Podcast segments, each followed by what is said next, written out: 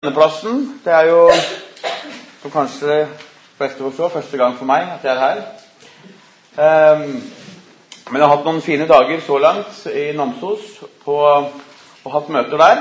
Og for de som har vært der, så vet dere at jeg har snakka om Fra dag én så har jeg snakka om uh, fortapelse, menneskets synd og Jesus som frelser. Himmel og fortapelse. Det var første dag. Dag nummer to så snakka jeg om hvordan Peter forkynte evangeliet i Kornelius sitt hus fra apostelgjerningene 10. En utleggelse av evangeliet i detalj som Peter der gjør, og som er, viser både hvem vi er, eh, hva vi har gjort, og hva Jesus har gjort for oss. Og på dag tre så forkynte vi fra eller så forkynte jeg fra eh, om Guds hellighet. Brukte en del tekster i ordet for å vise at Gud er en hellig Gud som ikke kan forlikes med synd, og en som eh, mennesker i seg selv har all grunn til å frykte. Men når vi blir frelst, så har vi all grunn til å glede oss. Jeg sa noe sånt som at Gud han er vår frelser gjennom Sønnen Jesus Kristus, men han er også vårt største problem utenfor frelsen. Og eh, i dag og I går så snakka jeg litt over i det kristne livet. Da snakka jeg om lydighet til Guds ord. At en disippel som følger Jesus, en som er gjenfødt, han har Bibelen som fasit, og han lyder Jesus sin stemme, som vi finner i Skriften. Lydighet er et kjennetegn på en kristen. Så det jeg har gjort De tre første dagene så har vi lagt et lite fundament, forhåpentligvis, Hvorav de tre neste dagene så skal jeg snakke litt konkret om det kristne livet. Og I dag så skal vi fortsette litt på det. Og når jeg forberedte meg til det her, så, det, så fant jeg ut at det er så utrolig mye jeg har lyst til å dele. Det er så mange ting å ville si. Det er så mange ting å ta opp når det gjelder det kristne livet. Eh, men jeg skal prøve å snevre det litt inn. Og jeg skal touche borti noen temaer som eh, Gud har minnet meg på når jeg har lest, og når jeg har vært i bønn. Men vi skal som sagt fortsette da med det litt praktiske, konkrete kristne livet i etterfølgelse av Jesus. Det som vi lever i i det daglige. Og Jeg skal begynne med å snakke om litt holdninger som vi har. Jeg skal ikke gå altfor dypt inn i så mange tekster, men vi skal ta for oss noen. Men jeg har lyst til å spørre deg og åpne med når du ber. Hva ber du om? Med hva slags sinn er det du ber? Hva er det som er ditt hjertes ønske når du ber? Hva er det som er klangen i din tone når du ber? For ofte så er det sånn at når vi ber, så ber vi ofte om lette løsninger. Vi ber ofte om at Gud skal legge ting til rette, slik at ting blir bare enten enklere eller mindre komplisert. Vi ber ofte om at situasjoner som er vanskelige, skal gå bort. Vi ber ofte om hvis vi har dårlig økonomi, kanskje vi trenger hjelp til det. Vi ber om Hvis noen er syke, så ber vi om at de skal bli friske. Og vi ber generelt kanskje om at hvis vi har motstand og ting er tungt og vanskelig, så ber vi om at det skal gå vekk. Vi har en generelt sånn holdning tror jeg, i oss av naturen at vi ber om den letteste utveien. Men ber vi da egentlig etter Guds plan? Når vi ser i Bibelen når du går igjennom hvis du saunfarer Det nye testamentet, hva er det som er klangen i bønnen der? Hva er det som er holdningen? Og hvordan er det Gud opplærer sitt folk? Hvordan er det Jesus handler med oss? Når jeg leser Det nye testamentet, så leser jeg om at det Gud vil, det er ikke nødvendigvis å forandre alt rundt oss. Det er å forandre oss. Det er at du og jeg skal bli mer lik Jesus. Det er at vi skal bli forvandla til å bli mer og mer som Han i vårt sinnelag, i ord og i gjerning. Jeg kommer mer inn på sinnets fornyelse i morgen og hvordan det vil prege oss. Men det er det jeg egentlig skal touche litt borti her også. Fordi at når vi ber, så burde vi be om at Han skal forme oss. Ikke at alt rundt oss skal bli enklere. Hva med å begynne å be om at Gud må gjøre oss mer grunnfestet i Ham. Ber du om det? Herre, la meg kjenne deg mer. Herre, gjør meg mer lik deg. Herre, gjør det sånn at når mennesker er rundt meg, så kan de få et gjenskinn av deg. Herre, kunne det være sånn at når jeg møter mennesker med både ord og med gjerning, kunne det minne litt om deg? Kunne jeg være litt mer som deg, Herre? Har vi en sånn klang i vår bønn? Jeg vet i hvert fall i, i mitt eget liv så er det ofte sånn at jeg ber om lette utveier, og så tar jeg meg ofte i det sjøl. Kanskje det er Den hellige ånd som minner meg på det. Og så kan jeg korrigere. Men allikevel jeg tror det er ganske vanlig. Slik at vi skal vokse gjennom disse tingene, modnes og bli mer grunnfesta. Når vi ber, så ber vi ofte om at ting kanskje skal bli enkelt. Men hva med å begynne å be om Gud, hjelp meg til å ta det rette valget? Herre, gi meg visdom. Når vi møter kriser, eller vi møter utfordringer, hva med å begynne å be om Gud, gjør meg sterkere i dette som jeg står i?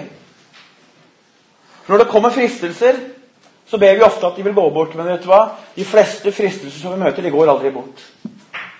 Det blir kanskje heller verre. Djevelen, han angriper. Kjødet vårt, det stritter imot.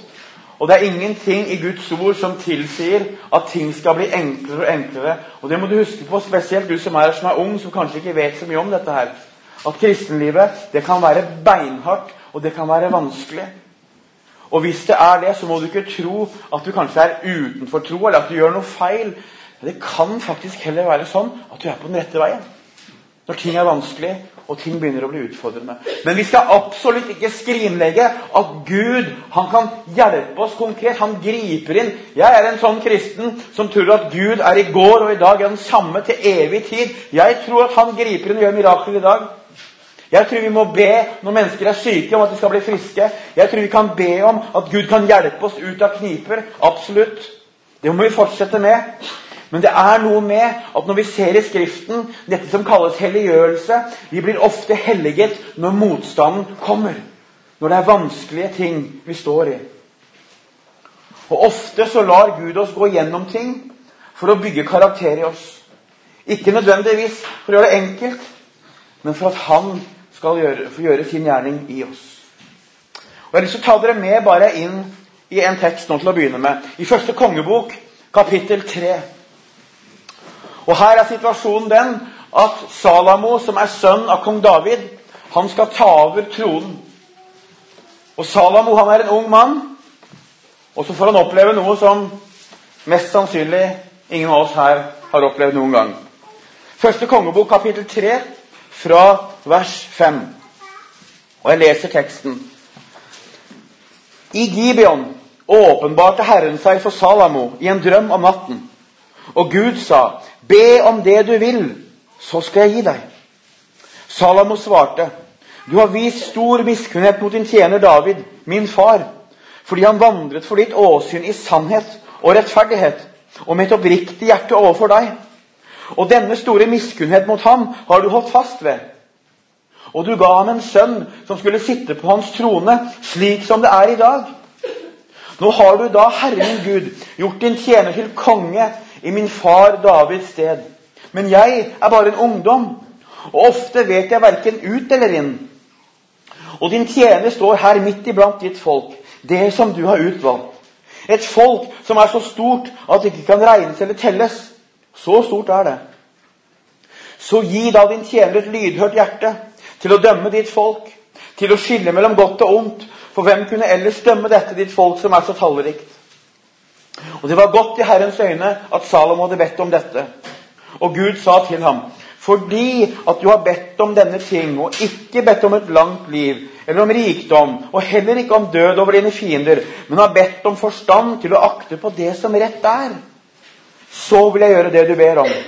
Jeg vil gi deg et vist og forstandig hjerte, så det ikke har vært din like før, og ikke vil komme din like etter deg. Og det du ikke har bedt om, vil jeg også gi deg, både rikdom og ære, så det ikke skal være din like blant kongene i alle dine dager. Og Her står vi for et ganske spesielt scenario, fordi at Salamo skal ta over tronen etter David. Og Israel, de som har lest kongehistorien, bl.a. i krønikebøkene, så vil du se det at Israel har stort sett alltid vært i trøbbel. Det var vanskelig å være konge i Israel, og det var ikke noe forskjell når Salamo skulle ta over. Og så skjer det som er helt uten sidestykke, at Gud åpenbarer seg i en drøm til Salamo, og så sier han det at du, du kan be om hva du vil, så skal du få det. Og prøv å sette deg inn i den situasjonen der. At det var deg. Hva ville du ha bedt om? Du som er ung, hva ville du bedt om? Tenk på det. Hvis du hadde hatt muligheten at den allmektige Gud åpenbarte seg og sa 'be om hva du vil'. Og Ut fra den situasjonen som Salomo er i, så ville det mest logiske det ville vært å be om ja, rikdom. Det ville vært å be om at fiendene til Israel skulle holde seg unna. Om komfort. Og at ting skulle egentlig være ganske greit. Det hadde de aller fleste av oss mest sannsynlig bedt om. Slik er vi skapt, og sånn er vi. Det kan hende at det er noen unntak. Kanskje det er noen som er helligere enn andre, som kanskje hadde sett litt annerledes på det. Allikevel, jeg tror flere av oss hadde bedt om det. Og så får Salomo denne muligheten, og hva er det Salomo gjør? Jo, han ber Gud om følgende. Så gi da din tjener et lydhørt hjerte til å dømme ditt folk og til å skille mellom godt og ondt. Salamo, som får en mulighet uten sidestykke til å få hva han vil, han ber om at Gud må gjøre det sånn i han, slik at han tar de rette valga for sitt folk. Han ber om et lydhørt hjerte som skal høre hva Gud sier, akte på det og praktisere det for sitt folk. Er det tonen i vår bønn? At vi ber Gud gi meg visdom, sånn at jeg kan ta de rette valga for mine barn, for min ektemann, for min kone, for min familie, for mine venner. At jeg kan bidra med det. Eller ber vi om at alt bare skal være enkelt? Og at alt skal være ukomplisert? Er Salamo han ber om å få ta de rette valgene. Og Det du også skal legge merke til i denne teksten, som er interessant, det er at når Salamo har bedt om dette, så, han, så blir Gud han, han, gleder seg over det Salamo har bedt om. Og så får han også det som han ikke har bedt om. Og La meg minne om det at Gud er den samme i dag. Dette kan han også gjøre i ditt liv. Når vi ber etter Guds hjerte, Husk at det står i bergprekenen så sier Jesus det at før dere ber, så vet deres far i himmelen hva dere trenger. Så Vi trenger ikke å ramse opp både det og det og det, og det, selv om vi skal gjøre det, og vi skal navngi mennesker vi ber for, osv. Men Gud vet det. Om du glemmer noe i din bønn, så vet han det. Og så er det slik at Når vi ber til Guds hjerte, så ser han til oss, og så vil han også velsigne oss. Slike ting må vi også snakke om i det kristne livet, for Bibelen taler masse om det. Ikke forandr situasjonen, Gud, men forandr meg. Gi meg visdom. Og La oss se litt på hvordan apostelen Paulus også ber. En som var apostel, han talte også direkte med Gud. Han fikk direkte åpenbaring ifra Herren. Og Vi kan begynne i Filippe-brevet. Og Da kan vi se i vers 1. Jeg har lyst til å bare vise dere noen bønner som Paulus ber. Og så skal du få se at dette er helt i tråd med det som, som, eh, som Salomo ber om. I Filipperne 1 og vers 9 så hører vi sånn Og dette ber jeg om, at deres kjærlighet må bli mer og mer rik på kunnskap og all innsikt, slik at dere kan dømme om hva som er rett i de forskjellige spørsmål, for at dere kan stå rene og uten lyte til Kristi dag, fylt av rettferdsfrukt ved Jesus Kristus, Gud, til ære og pris. Det som Paulus ber om for filipperne, og som han også ber for oss om, og også sitt eget liv, det er at kunnskapen om Kristus skal måtte forme oss slik og bære frukt på, i, i oss, slik at vi har visdom til å skille på rett og galt og kunne ta de rette valgene. Og jeg vet veldig, veldig godt hvordan det er å stå i konflikt Jeg har stått i mange konflikter i dessverre i det kristne arbeidet når det handler om lærespørsmål og mange andre ting. Det kan godt hende at noen av dere også har vært borti det og, hatt konflikter innad blant kristne. Vet du hva? Jeg må lære meg til å be om at Gud former meg slik at jeg blir mer lik Jesus, slik at jeg kan møte de som jeg er uenig med, med Jesus sinnelag istedenfor min stolte, harde holdning. Det trenger mennesker å møte. De trenger ikke å møte kjødelige bjørn som noen ganger skal, alltid skal stå på det rette og alltid skal liksom ha rett. De trenger å møte Jesus. De trenger å få møte hans sinnelag, slik at de kan få se at det går an å møtes uten at det skal være krig. For vi kristne vi skal stå sammen, og vi skal være ett. Og Det er det Paulus ber om her. At vi skal kunne ta de rette valgene. Hopp et kapittel fram, en bok fram, til Kolossebrevet og vers 1. Kapittel 1, mener jeg. Fra vers 9 så hører vi hvordan Paulus ber for kolossene. Derfor har vi heller ikke holdt opp med å be for dere, like fra den dagen vi fikk høre om det. Vi ber om at dere må fylles med kunnskap om Guds vilje i all åndelig visdom og forstand, så dere kan vandre verdig for Herren, til behag for Ham i alle ting, ved at dere bærer frukt og vokser i all god gjerning Gjennom kunnskapen om Gud. Og bare det, det, verset her det er mange taler etter hverandre. og Det er så mye å si om det her, men bare legg merke til her hva Paulus ber om. Han ber om, det er Dette er litt jeg snakka om i går, for dere som var der. Det er å bli fylt av Guds ord, bli fylt av Guds visdom, slik at vi skal kjenne Han og ta de rette valga. Og for at vi skal bære frukt i våre liv og vokse og modnes til ære for Gud. Slik at vi kan leve hellig å være et vitne også med våre liv, ikke bare med våre ord. Til Guds ære. Og Hvis du går to bøker tilbake til Efeserbrevet, kapittel 1, så skal jeg lese bare fra vers 17 og 18 også hvordan Paulus ber for efeserne.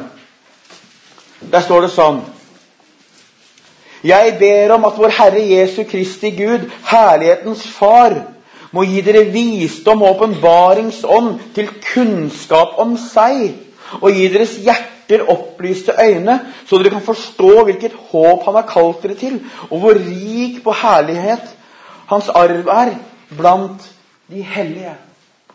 Igjen så ber Paulus ikke om noen lette omveier. Han ber ikke om komfort. Han ber om å bli fylt av Jesus, fylt av Guds ord.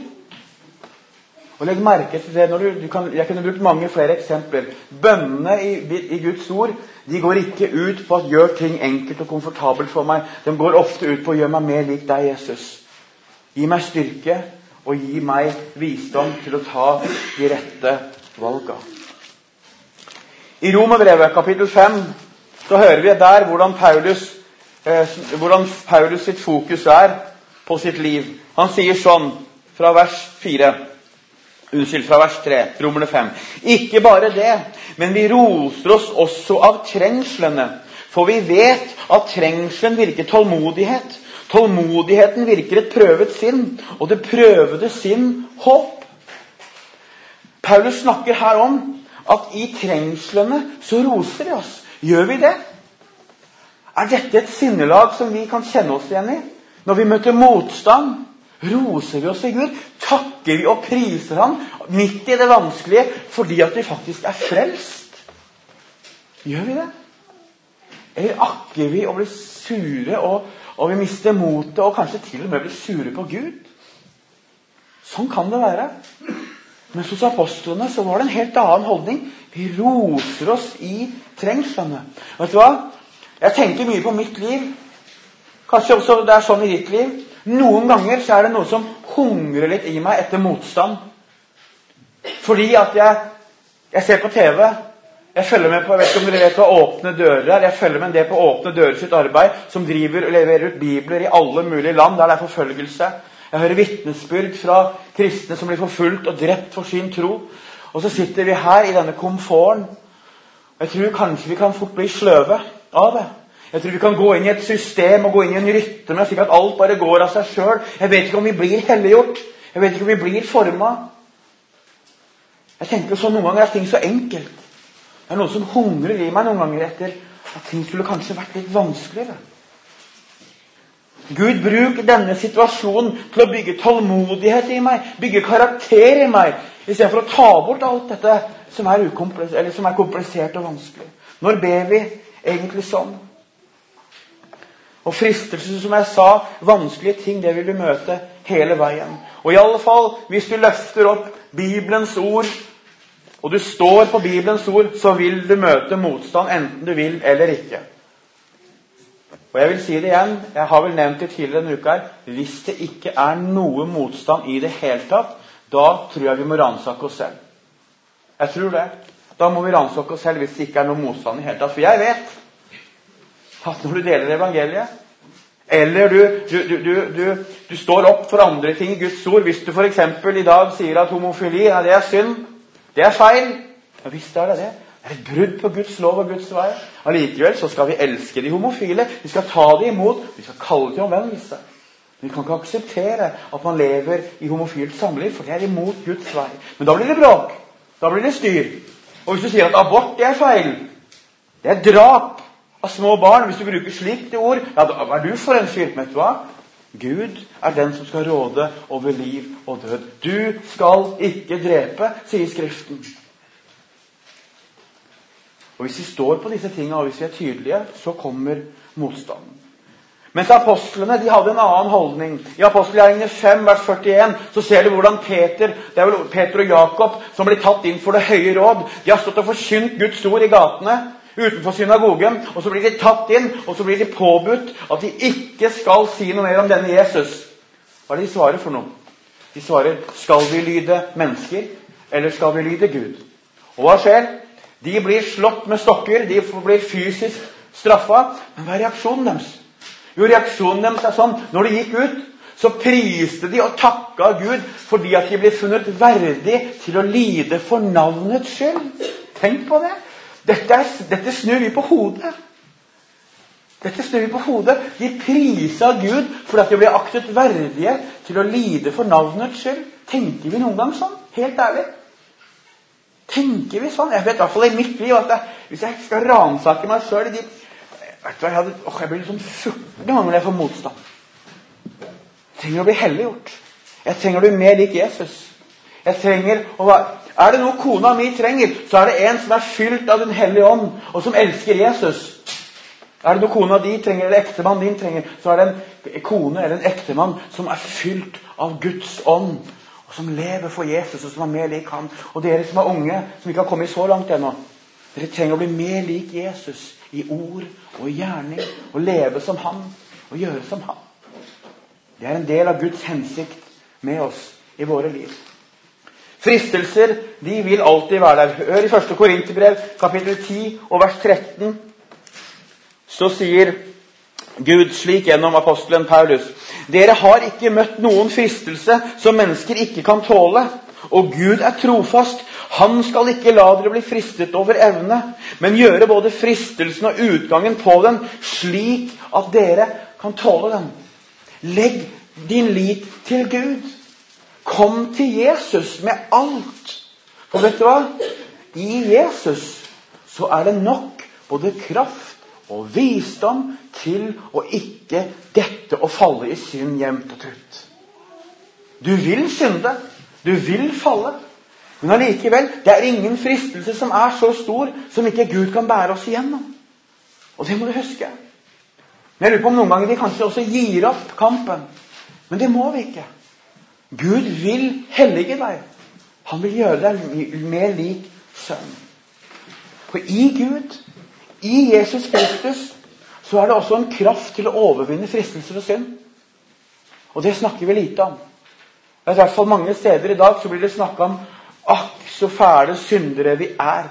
Og vi får ikke til noe. Vet du hva? Det er en halv sannhet. Vi kjenner på det. Men vet du hva? det er en annen sannhet også, som snakker om å seire over synd. Å bære frukt. Å vandre verdig for Herren. Det er nettopp det Paulus ber om.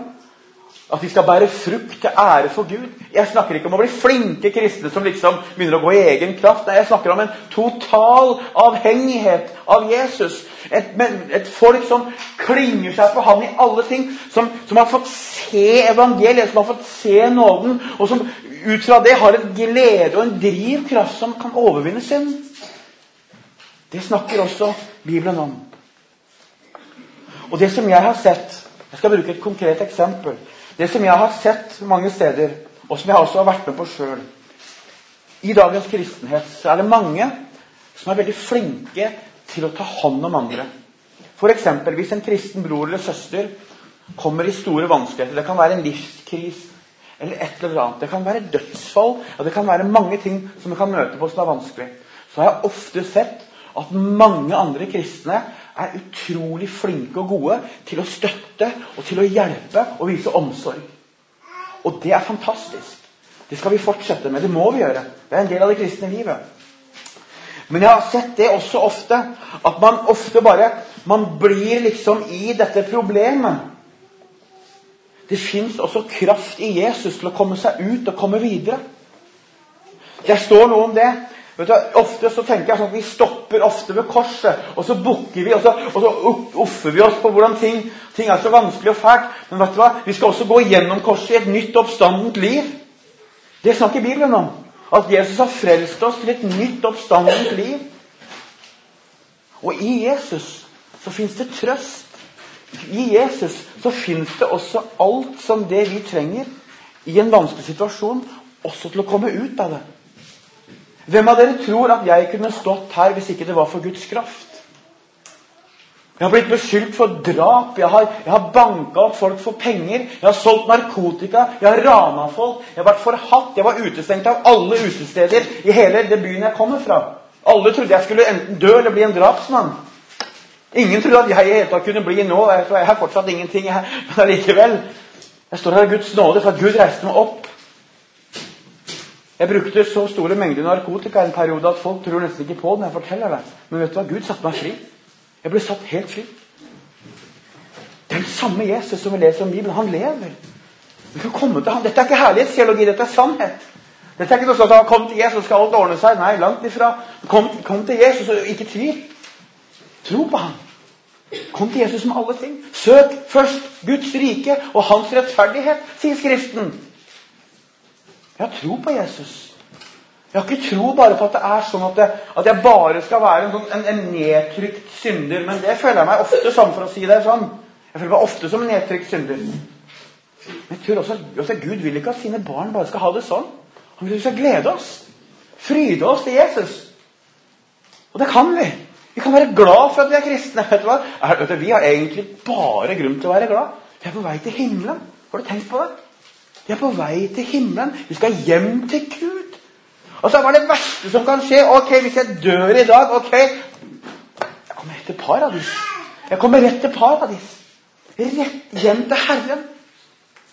Vet du hva? Egentlig så burde vi fryde oss og være glade hele tida, vi som er kristne. For jeg leser også om det i Bibelen, om en glede og en fryd over å være en kristen. Vi snakker ofte om de vanskelige tingene, vi snakker ofte om ting som er problematisk. Hva med å løfte opp seieren i Kristus? Har du Når er sist gang du hørte at du har en seier, Herre? Du har en seier, Herre. Hvorfor? Fordi at din seier er i Jesus. Han har seira. Han har vunnet. Det er fullbrakt. Du er på seier. Hvis du er frelst og du sitter her i dag, så er du på seierslaget. Sånn blir det ikke talt ofte om seierslaget. Men vet du hva? Vi er det. Jeg vet. Jeg, I meg selv så er jeg en fortapt synder. Men vet du hva? Jeg er en rettferdig synder. Jeg er blitt rettferdiggjort av Guds nåde. Jeg har fått tilgivelse for mine syndere. Og det er du også som er frelst. Du har fått det. Hør hva Paulus sier. Bli sterke i Herren og Hans veldige kraft. Han sier ikke 'bli sterk i deg sjøl', ikke gå i egen kraft. Han sier 'bli sterk i Herren og Hans veldige kraft'. Kom til Jesus. Gå til Jesus. I Zakaria 10,12 så hører vi at Herren sier sånn Jeg vil gjøre dem sterke i Herren, og Hans navn skal gå frem. Det er noe her som vi glemmer. Disse tinga snakker vi ikke om. Filipperne 4,13 Alt makter jeg Han som gjør meg sterk. Hæ? Alt? Ja, du gjør det. Ikke fordi du er flink, men fordi at Herren Jesus er i deg og er med deg. Se, jeg med dere alle dager inntil verdens ende, sier han. Det er et gledesbudskap. Vi burde hoppe og danse Nei, danse, danse det er synd, så det var ikke meningen. Men vi burde hoppe og glede oss over Herren Jesus. For at vi er frelst, at vi tilhører Ham. Det fins mange budskap i denne verden som er viktige. Det fins mange valg å ta. Det fins mange konsekvenser av ting som kan skje. Men vet du hva?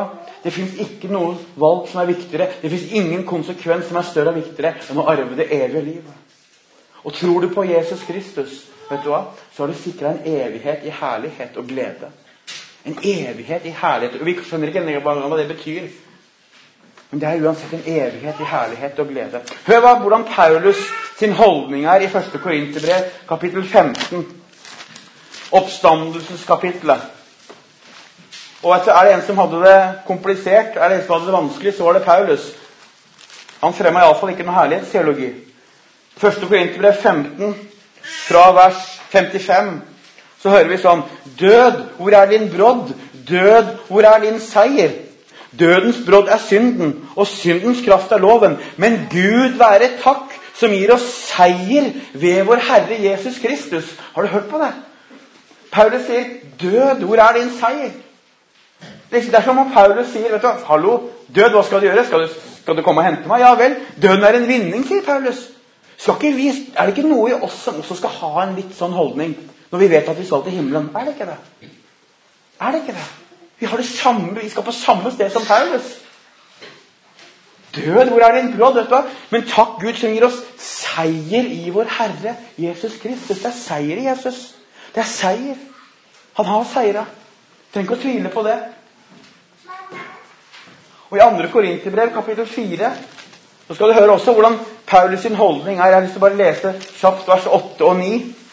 Så hører vi sånn På alle vis er vi trengt, men ikke stengt. Rådville, men ikke rådløse. Forfulgt, men ikke forlatt. Slått ned, men ikke utslått. Altså Paulus han har en sånn holdning. og Han møtte, han ble piska, han ble slått, han ble avhørt, han, hadde, han ble ydmyka. Allikevel, han hadde en glede. Det var en glede. Hvorfor hadde Paulus glede? Paulus og Silas de satt i fengsel. I de, og de, fengsla, Det var noe annet enn norske fengsler. det kan jeg love dere. De satt, med, satt i en form for gapestokk og I tillegg så hadde de kjetting rundt armer og bein. Hva gjorde de? De sang lovsanger til Gud og prisa Han. Omstendighetene betydde ikke noe, fordi at de hadde blikket festa på Jesus, troens opphavsmann. De visste hvor de skulle hen. Og Det er noe med at vi kristenfolk, det er min bønn, at vi skal gjenvinne den gleden i oss. For jeg tror at i den gleden så ligger en del av nøkkelen til forløsning i forsamlinger, i enkeltliv, i familie. Gleden i Kristus. Paulus sier, når han sitter fengsla, så sier han 'gled dere i Herren'. Igjen sier jeg 'gled dere'. Det er til oss også. Han sier det til deg som har det tøft og som har det vanskelig. Og vet du hva? Det har sin tid og sin plass selvfølgelig å, å, sørge at de har det vanskelig. Det er ikke det jeg sier. Men jeg sier allikevel kom til Jesus også i de tingene. Han kan snu ting. Han kan hjelpe oss også inn i det daglige. I 1. Johannes jeg har lyst til å bare lese en tekst til i 1. Johannes brev, som også sier noe om dette. Johannes også hadde en flott holdning til det. 1. Johannes kapittel 5 og vers 3 så hører vi sånn For dette er kjærligheten til Gud, at vi holder fast på Hans bud, og Hans bud er ikke tunge. For alt det som er født av Gud, seirer over verden. Og dette er den seier som har seiret over verden vår tro. Hvem er den som seirer over verden uten den som tror at Jesus er Guds sønn? Det er seier. Tror du på Jesus Kristus som din Herre og Frelser? Gud som ble menneske på dine vegne og sona din synd? Vet du hva? Der er det seier. Og det er glede i Jesus. Og når vi blir frelst, når du er blitt frelst, så møter vi på mange ting i dette livet som er vanskelig. Ting blir absolutt ikke noe sånn dans på roser. Men det som jeg ser i Skriften, det er at i denne motstanden som apostlene møtte, og som de første kristne møtte, så var det også en glede. Jeg tror også det er for oss. Jeg, får, jeg, blir, jeg, gleder meg når jeg leser disse løftene, for jeg vet at når Paulus sier 'Død, hvor er din brodd?', så vet jeg at det kan også jeg si, som er frelst. 'Død, hvor er din brodd?' Det betyr 'død, hva skal du egentlig gjøre meg?'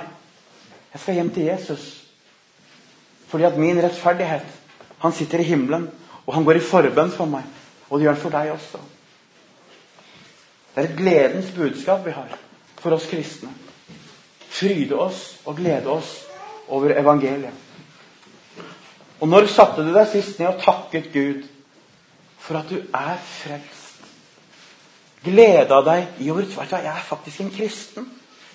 Eller tviler du kanskje på at du er en kristen? Hvis du gjør det, vet du hva? så se på Jesus. Se på Jesus. Tror du på evangeliet, tror du på Han, så er du frelst. Ikke gjør det mer komplisert enn det. Tror du på Jesus, at han er din stedfortreder, at han har betalt skyldbrevet ditt, da er du frelst. Da er du frelst. Og Så snakka vi litt om livet som en kristen i går, men det har vi ikke tid til å gå inn på. Jeg har lyst til å bare til slutt, eller Mot slutten så har jeg lyst til å lese noen sannheter for dere.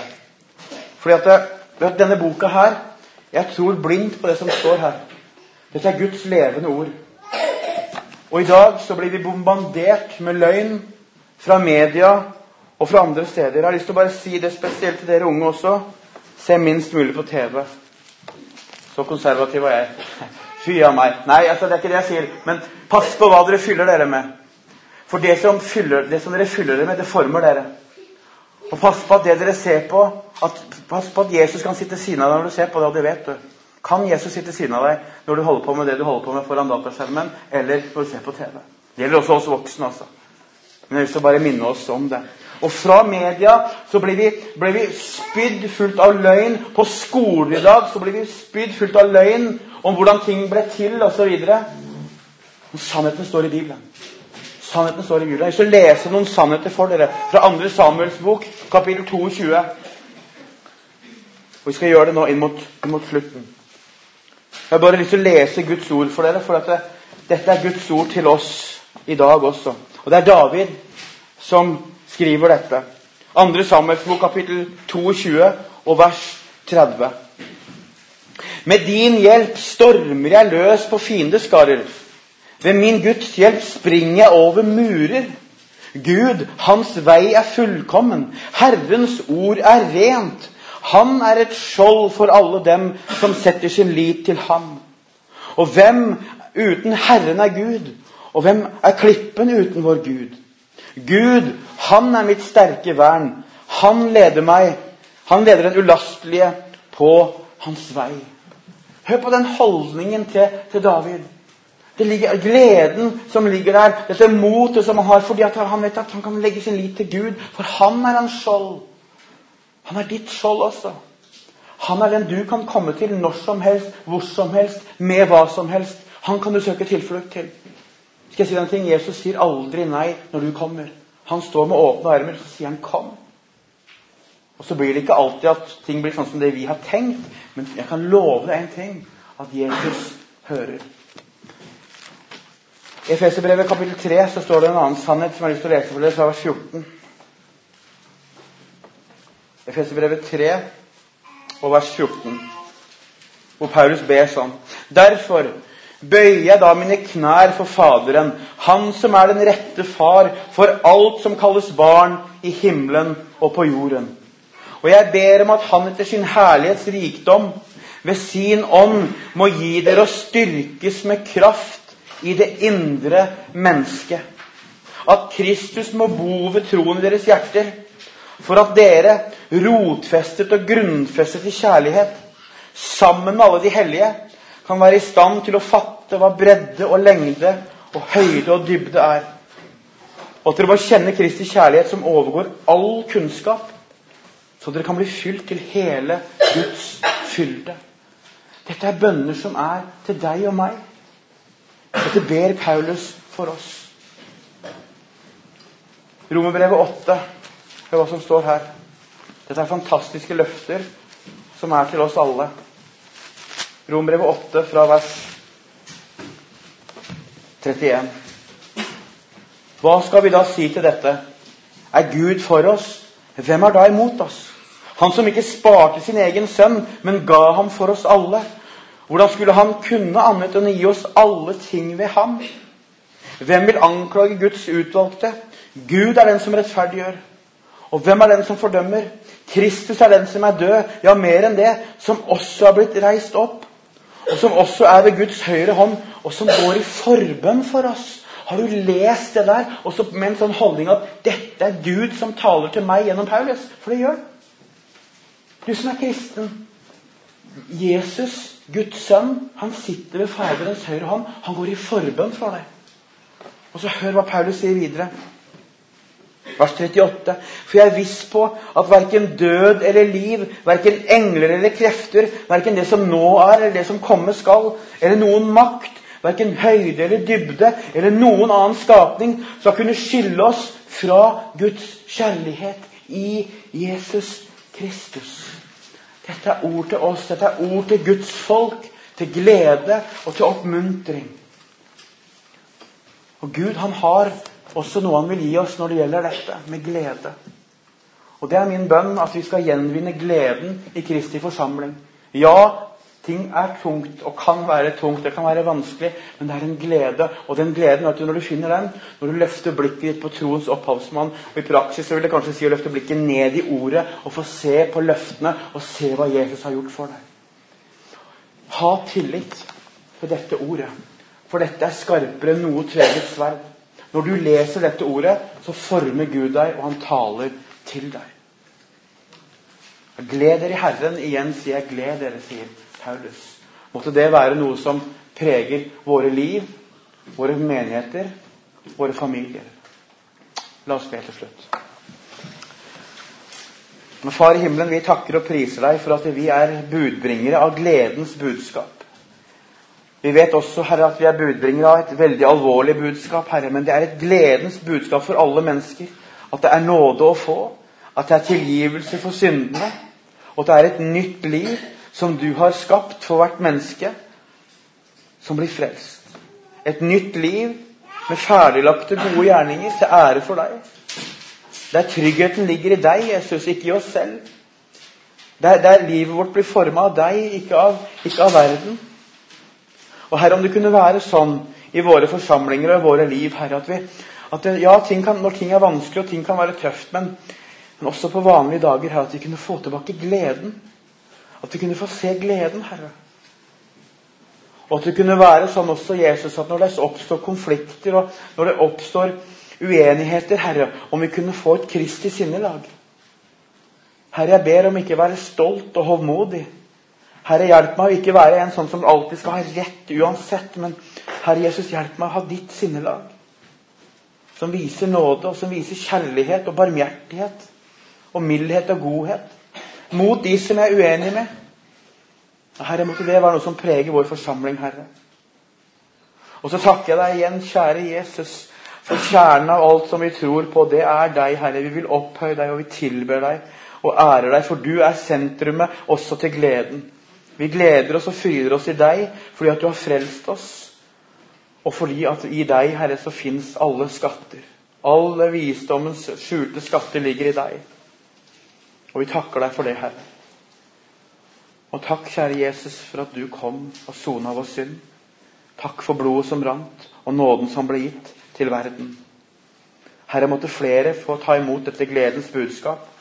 Her i Namsos og her som vi er nå på, på Otterøy, Herre Jesus ber om vekkelse, ber om frelse. Og vi ber for oss som er kristne, at du begynner med oss. Og kunne du begynne, Herre, med dette gledens budskap, at vi fikk gripe det på nytt, Herre. Og få se litt mer, Herre Jesus, av hva du har gjort for oss, og alt det du har for oss, Herre.